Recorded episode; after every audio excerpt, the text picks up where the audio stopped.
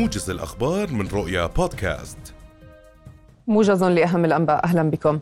ارتقى 25 فلسطينيا على الأقل غالبيتهم من الأطفال والنساء في قصف شنه الاحتلال الإسرائيلي على مخيمي الانصيرات والبريج وسط قطاع غزة. وأكدت مصادر محلية أن 25 شهيدا وصلوا مستشفى شهداء الأقصى في دير البلح وسط القطاع مشيرة إلى أن الشهداء تم انتشالهم من تحت ركام منازل مأهولة استهدفها الاحتلال في مخيمي الانصراط والبريج وإلى أن هناك عشرات المفقودين تحت الأنقاض إثر استهداف طائرات الاحتلال لمربعات سكنية على رؤوس ساكنيها. أعلنت وزارة الصحة في قطاع غزة خروج مستشفى كمال عدوان آخر المستشفيات العاملة شمالية القطاع عن الخدمة تماما. هذا وقالت الوزارة في بيان أن سكان شمال القطاع أصبحوا الآن بلا أي خدمات صحية بعد خروج المستشفى عن الخدمة. وبذلك يفقد السكان خدمات غسل الكلى والعناية المركزة والحضانة والباطنية والقلب والجراحة العامة ومبيت وطوارئ الأطفال. وأوضحت أن خدمات مستشفى كمال عدوان توقفت بشكل كامل نتيجة عدم توفر الوقود وتعنت الاحتلال بعدم وصوله لمستشفيات شمال قطاع غزة. نقل موقع اكسيوس عن مسؤولين أمريكيين قولهم إن هناك قلقا متزايدا داخل البيت الأبيض من وجود تهديد حدوث مجاعة في قطاع غزة الذي يتعرض لحرب مدمرة يشنها الاحتلال الإسرائيلي منذ السابع من أكتوبر. الماضي.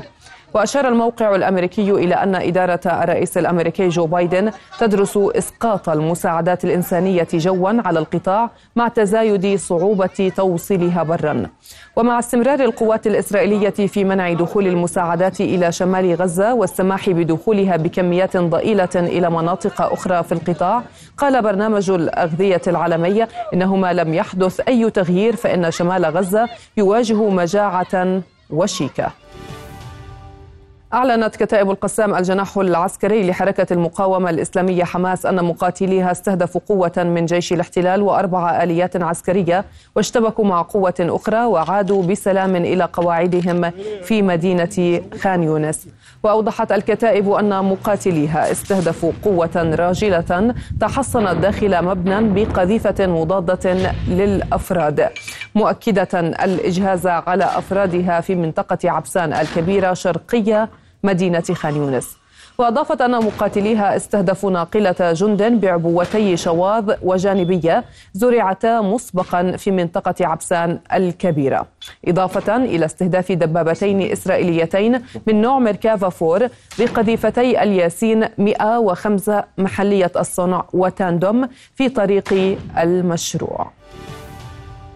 قالت القناة الثانية عشرة العبرية إن مجلس الحرب قرر سحب الصلاحيات الخاصة بالمسجد الأقصى من وزير الأمن القومي إتمار بن غفير مشيرة إلى أنه لن تكون هناك قيود على دخول فلسطيني الداخل والمقدسيين إلى المسجد في شهر رمضان المبارك.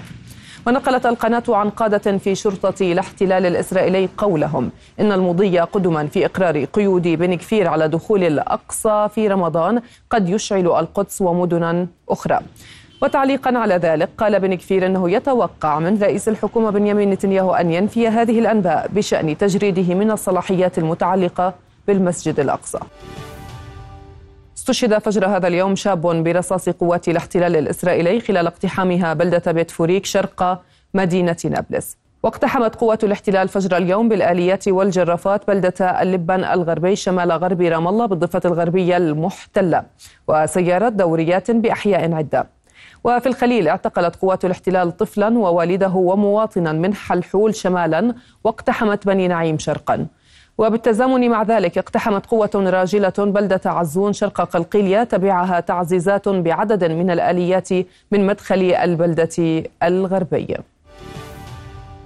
وصلنا إلى ختام الموجز في أمان الله.